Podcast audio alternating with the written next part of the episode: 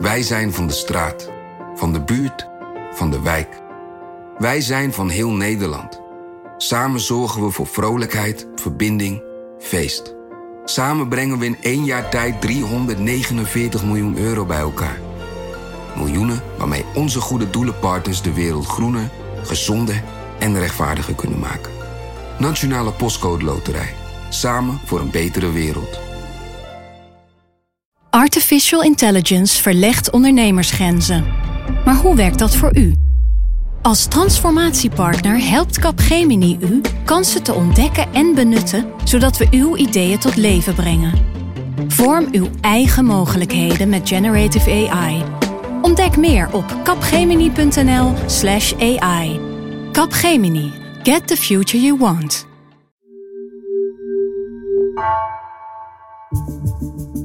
Vanaf de redactie van NRC het verhaal van vandaag. Mijn naam is Egbert Kalsen.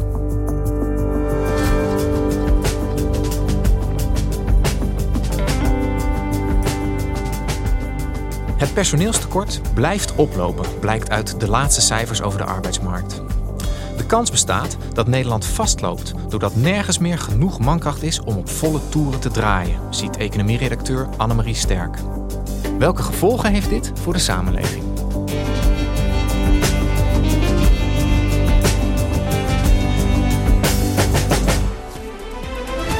Goedenavond. De krapte op de arbeidsmarkt breekt alle records. Het aantal vacatures blijft maar oplopen. Alle sectoren hebben inmiddels last van dat schreeuwende tekort aan personeel. De werkloosheid is ongekend laag en het personeelstekort is ongekend groot. En dat zijn problemen waar we allemaal mee te maken krijgen. Denk aan de problemen op Schiphol, eh, geen beveiligers meer voor huldigingen van voetbalclubs. En ook je kinderen naar de opvang brengen is geen vanzelfsprekendheid meer. De vraag naar personeel was al groot en afgelopen week bleek dat het tekort nog nijpender kon. Het CBS publiceerde nieuwe cijfers en daaruit blijkt dat er tegenover elke 100 werklozen nu 143 vacatures staan. Dat was een kwartaal eerder nog 133 eh, vacatures en ook dat was eigenlijk al uitzonderlijk. Want meestal zijn er net wat meer werklozen dan dat er vacatures zijn. Dus dat dat zo ver uit elkaar ligt, dat is wel echt uniek. Nu zegt al 84% van de ondernemers in Nederland dat ze last hebben van de personeelstekorten. Vrijwel alle ondernemers zeggen ook dat ze de werkdruk onder hun personeel zien toenemen. En dat zijn nog vrij abstracte cijfers. Dus bij de economieredactie dachten we, we willen eens kijken wat dat in de praktijk betekent. Wat betekent dit voor bedrijven, voor personeel zelf en ook wel wat betekent dit voor ons als samenleving? Loopt Nederland vast? Annemarie, historische krapte op de, op de arbeidsmarkt. Je schetste het mooi in de cijfers. Misschien toch even kort om mee te beginnen. Wat, wat, wat zijn de oorzaken van die gigantische krapte? Ja, eigenlijk wat je nu ziet, dat is uh, wat je ook wel een perfect storm zou kunnen noemen. Een combinatie van factoren. Eén daarvan is een demografische ontwikkeling en dat is de vergrijzing. Dus er gaan relatief meer mensen met pensioen dan dat er jonge mensen bijkomen op de arbeidsmarkt. Dus er is gewoon minder personeel, minder mensen. Tegelijkertijd een belangrijke factor is ook de coronacrisis. Door de overheidssteun zijn er veel bedrijven overeind gebleven in de coronacrisis. Dat is aan de ene kant goed. Tegelijkertijd heeft dat er ook voor gezorgd dat bedrijven die in andere tijden eigenlijk misschien wel failliet zouden zijn gegaan, dat nu niet deden. Dat betekent ook dat daar mensen zijn blijven werken die nu niet beschikbaar zijn gekomen voor andere bedrijven die met grote tekorten kampen. En nog een andere factor is dat, en dat heeft ook te maken met de coronacrisis, is dat veel mensen veel hebben gespaard in die lockdownperiodes. Geld dat ze nu alles weer kan, massaal zijn gaan uitgeven aan diensten en producten. Luxe uit eten, een nieuwe tuinset. En om dat te maken of om die diensten te leveren, zijn ook allemaal mensen nodig. Dus de vraag is ook uh, enorm toegenomen. Er komt dus een heleboel uh, samen in dat, uh, in dat tekortcijfer en die krapte op die arbeidsmarkt. Uh, waar zijn jullie precies naar gaan kijken als economieredactie?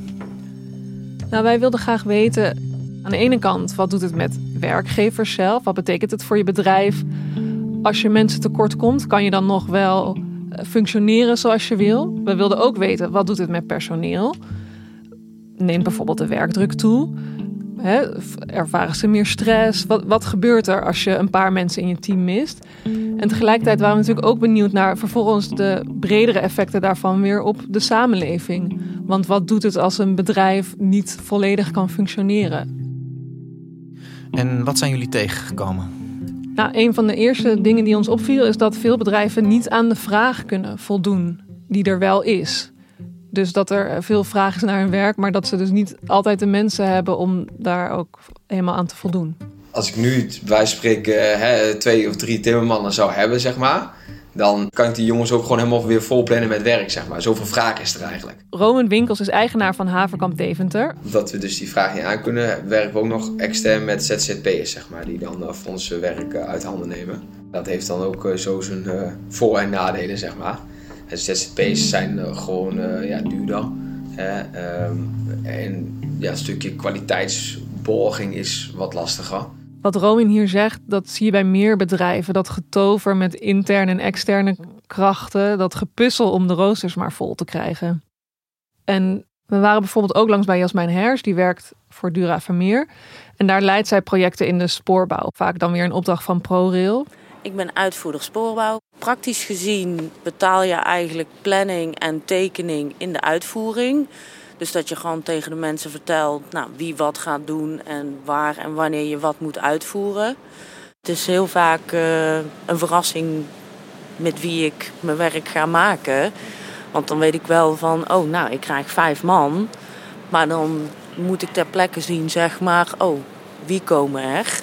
Want dat is gewoon ja, je, je tweede schil, zeg maar, je inhuurmarkt. Ja. Dus daaraan merk je gewoon echt, uh, ja, daar ben je zo van afhankelijk. En zij vertelde dat ze soms gewoon het rooster niet rondkrijgt. En dan pakt ze zelf maar de handschoenen op om uh, het werk niet te veel vertraging op te laten lopen. Uh, het spoor vastdraaien of uh, als we wissels leggen, dan moet je in ieder geval minimaal met vier man aan elke kant van een wissel staan. En dan moet je het op de juiste plek zien weg te leggen. Als je dan net een mannetje mist, ja, dan ga je zelf aan één kant staan en hem op zijn plek proberen te krijgen. Ja. Dus je ziet dat het op veel plekken al een beetje aan elkaar hangt van kunst en vliegwerk. Hè? Dat je zelf dan maar allemaal extra werk op je gaat nemen eigenlijk. Dit is helemaal niet haar baan. Maar om het rond te krijgen, zet ze een tandje bij. Je zou kunnen zeggen, uh, het is allemaal best onhandig natuurlijk dat we wat langer moeten wachten op de trein en uh, wat langer op onze diensten en producten die we willen hebben. Maar maakt dat nou echt heel veel uit voor hoe de economie functioneert? Je zegt het zelf al, het is misschien niet zo erg als je iets langer op een product moet wachten. Bijvoorbeeld op je iPhone of op een PlayStation. Al zal niet iedereen het daarmee eens zijn. Maar het kan natuurlijk wel verstrekkende gevolgen hebben. Laten we even inzoomen op de NS. Die vervoert honderdduizenden mensen per dag. Zij kampen zelf al met een personeelstekort. Dus iedereen die wel eens met de trein gaat, zal op de borden zien dat er soms treinen uitvallen omdat, dan, omdat er dan te weinig mensen zijn om de trein te besturen of om de kaartjes te knippen. Dan wordt aan het spoor gewerkt. Dat zou dan langer kunnen duren als er te weinig mensen zijn om dat spoor te repareren of onderhoud te doen. Dan zou je normaal gesproken bussen inzetten, want het is natuurlijk van alle tijden dat het spoor af en toe onderhouden moet worden of wel eens kapot gaat. Maar ja, daar zijn dan ook te weinig mensen voor. En als er dan dus geen openbaar vervoer is, dan heeft dat natuurlijk weer een groot effect op al het woon-werkverkeer. Dat zijn ook zo tienduizenden mensen per dag. En gelukkig kunnen veel mensen wel hun werk vanuit huis doen, maar natuurlijk lang niet allemaal. Dus op zo'n manier zie je hoe de personeelstekorten echt uh, veel meer mensen beïnvloeden dan alleen een bedrijf zelf. Ja, vorige week uh, stond ik op station in Amsterdam en toen hoorde ik toevallig de mededeling dat er bij Amersfoort aan het spoor gewerkt werd. En toen was de mededeling niet de NS zet bussen in, maar de NS zet geen bussen in inderdaad, omdat ze gewoon geen chauffeurs konden vinden voor die bussen. Nou ja, en dan sta je daar op het station. Wat nou als je geen rijbewijs hebt of geen mensen kent met een auto? Ja, dan uh, ben je ja. de sjaak. Hey, en zijn jullie nog andere voorbeelden tegengekomen? We zijn talloze voorbeelden tegengekomen.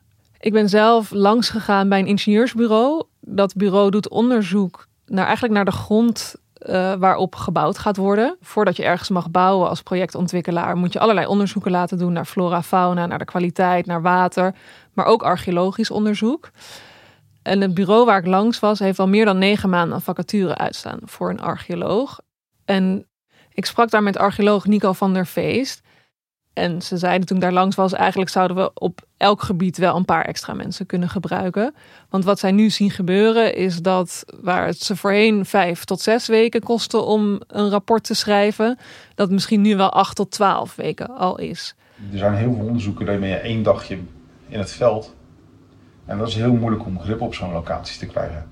Dus, dan heb je veel meer voorkennis nodig uit een bureaustudie. En als je in die bureaustudie nu al aan het snijden bent, omdat je die bronnen zegt van als ik daar niet naar kijk, dan scheelt er maar een half uur werk. Ja, dan denk ik dat je uiteindelijk ook wel uh, bepaalde concessie moet gaan doen aan de kwaliteit. Nou ja, dat is dan heel specifiek over het vak van archeologen zelf. Maar er zijn natuurlijk ook bredere consequenties als, als er vertraging in die hele keten van uh, bouwgrondonderzoeken is. Want dat betekent als het langer duurt, voordat die rapporten af zijn, dat het dan ook langer duurt voordat er gebouwd kan worden. En we weten allemaal, er is een huizencrisis. Er moeten de komende tien jaar 1 miljoen woningen worden gebouwd. Hoe gaat dat lukken als het al aan het begin van de keten aan het haperen is? Dus het probleem van die vacatures, dat, uh, dat is op heel veel plekken voelbaar. Wat, wat betekent dat nou voor mensen die wel nog aan het werk zijn? Wordt de werkdruk voor hun ook hoger omdat er zoveel vacatures zijn? Ja, dat is een reëel risico. Uh, Robin Winkels van Havenkamp Deventer, die zegt dat ook. Nou ja, weet je, dan heb je toch dat uh, iedereen zijn agenda toch wel heel erg vol zit. En dan uh, krijg je toch wel dat je uh, hoge werkdruk. nou ja, daar heb je natuurlijk allemaal wel mee te maken dan. Hè. En er is niet alleen druk vanuit het rondkrijgen van de roosters en van de planning, maar er ontstaat zo ook meer druk vanuit klanten. Ja, omdat het dan heel druk is, dan hebben bijvoorbeeld klanten dan ook een korte lontje. Hè? Dus die willen ook allemaal, het moet allemaal snel gebeuren. En, uh, ja, en, dan, uh, en, da en, dat is soms wel vervelend, want dat kost eigenlijk dan best wel veel energie waar je, ja, waar je niet heel veel mee kan, zeg maar. Wat Rome in winkels zegt, dat zie je wel op meer plekken. Dat de druk toeneemt, dat mensen het drukker krijgen, dat ze misschien wel gestrester raken. En dat is natuurlijk wel een risico, omdat dat op den duur ook tot uitval weer kan leiden van die mensen. Nou ja, je kunt je voorstellen als er mensen uitvallen terwijl de nood al hoog is, dat, daar is natuurlijk niemand op te wachten. De branchevereniging van bedrijfsartsen waarschuwde onlangs van werkgevers: let alsjeblieft op dit najaar als en de werkdruk hoog is en er mogelijk een nieuwe coronagolf is, zorg alsjeblieft voor je werknemers dat ze gezond zijn, zowel fysiek als mentaal. Want anders heb je straks nog veel grotere tekorten. Nou ja, je kunt je, je, kunt je helemaal voorstellen wat voor soort neerwaartse spiraal er dan kan ontstaan.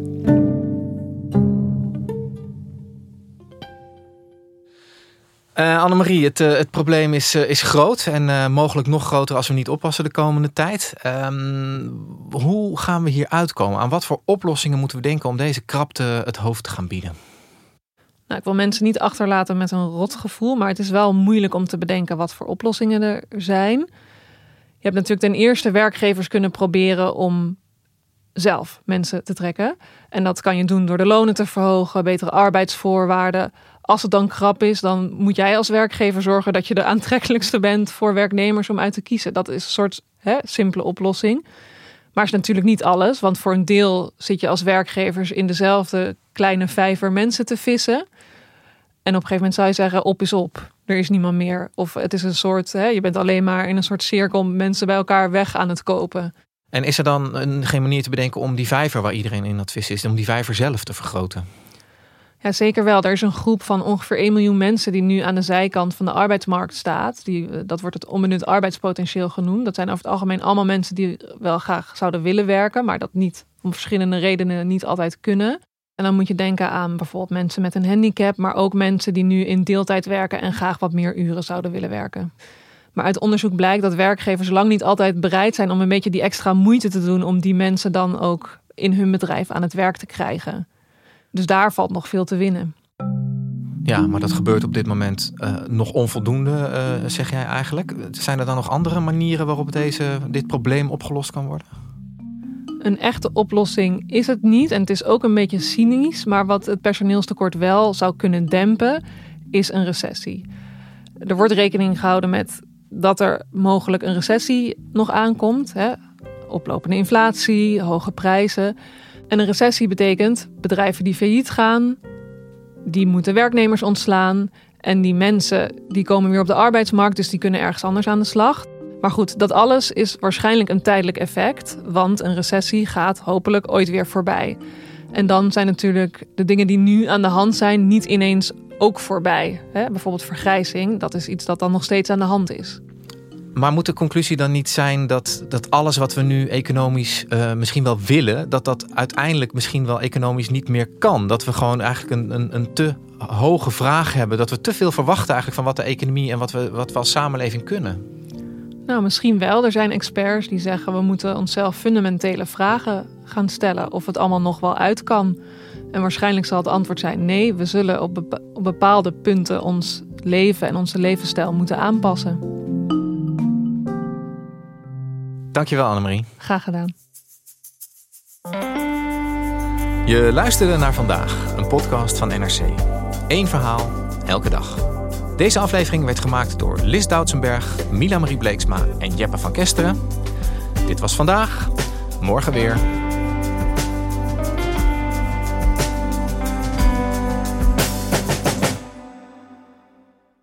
Je hebt aardig wat vermogen opgebouwd. En daar zit je dan, met je ton op de bank. Wel een beetje saai, hè? Wil jij, als belegger, onderdeel zijn van het verleden of van de toekomst? Bridgefund is een slimme fintech die een brug slaat tussen de financiële behoeften van ondernemers en van beleggers. Dus wie belegt bij Bridgefund krijgt niet alleen een mooie vaste rente, maar brengt ook ondernemers in beweging. Echt waar, met die ton kan je zoveel betere dingen doen. Bridgefund. Make money smile.